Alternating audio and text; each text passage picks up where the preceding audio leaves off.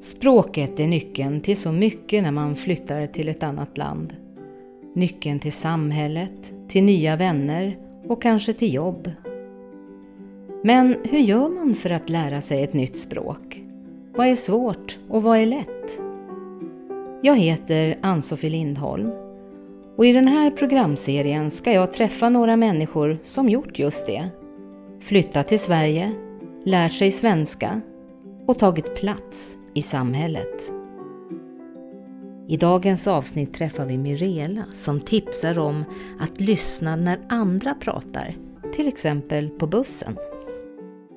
Jag kom till Sverige för eh, nästan åtta år sedan.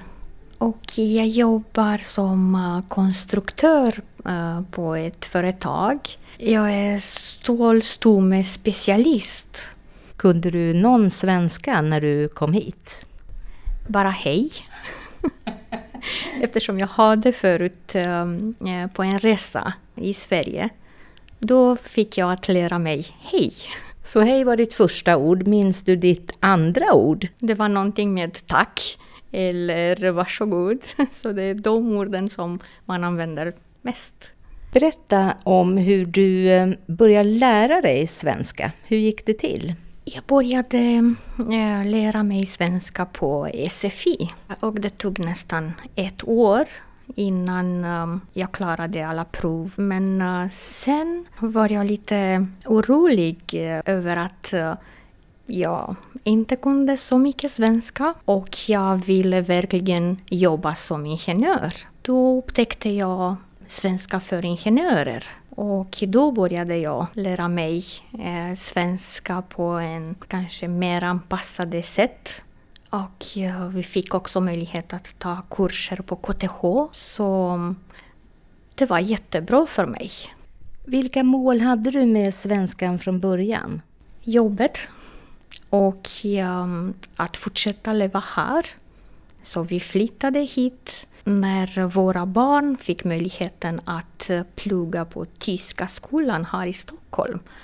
Och då tänkte jag, ja ah, men jag måste få ett jobb på ett jobb måste man prata på svenska. Då hade jag en jättestark mål. Vad tycker du är enklast med svenskan? De orden som finns också i mitt språk, de är enklare för mig. Eller de internationella ord, orden som ja, man äh, träffar i äh, svenska språket. De är också lättaste för mig. Och vad är då svårast med svenskan? Svårast med svenskan är eh, sjuk och sjuksköterska och sjukhuset och Östersjön, Älvsjö. Allt som innehåller en speciell uttal. Skriver du också mycket på svenska? Ja, det gör jag. Det gör jag jättemycket mejl på jobbet och um, rapport. Um, så jag skriver mycket. Hur går det? Går det bra, svårare eller lättare än att tala? Kanske på något sätt är lättare än att prata eftersom man kan fundera på grammatik och på uh, ordföljd och uh, det är lättare. Läser du också på svenska? Ja, det gör jag. Min favoritbok var uh, mina drömmars stad eftersom jag var jättenyfiken om uh, historia om Stockholm och hur kunde Sverige nå en så hög livsnivå bara på 100 år. Så 100 år sedan var Sverige jättefattig och många eh, lämnade Sverige och men nu är Sverige en framrik eh, land och eh, alla känner till att jag var jättenyfiken så jag, jag kollade på några böcker och ja. Det tar ju tid och kraft att eh, lära sig ett nytt språk. Hur motiverade du dig när det var svårt? Mitt mål var jättestarkt som jag har berättat. Eh, så jag ville verkligen eh, bo här och leva här eftersom jag verkligen trivs här. Så det, det räcker om man har ett starkt mål och man verkligen vill någonting. Då gör man.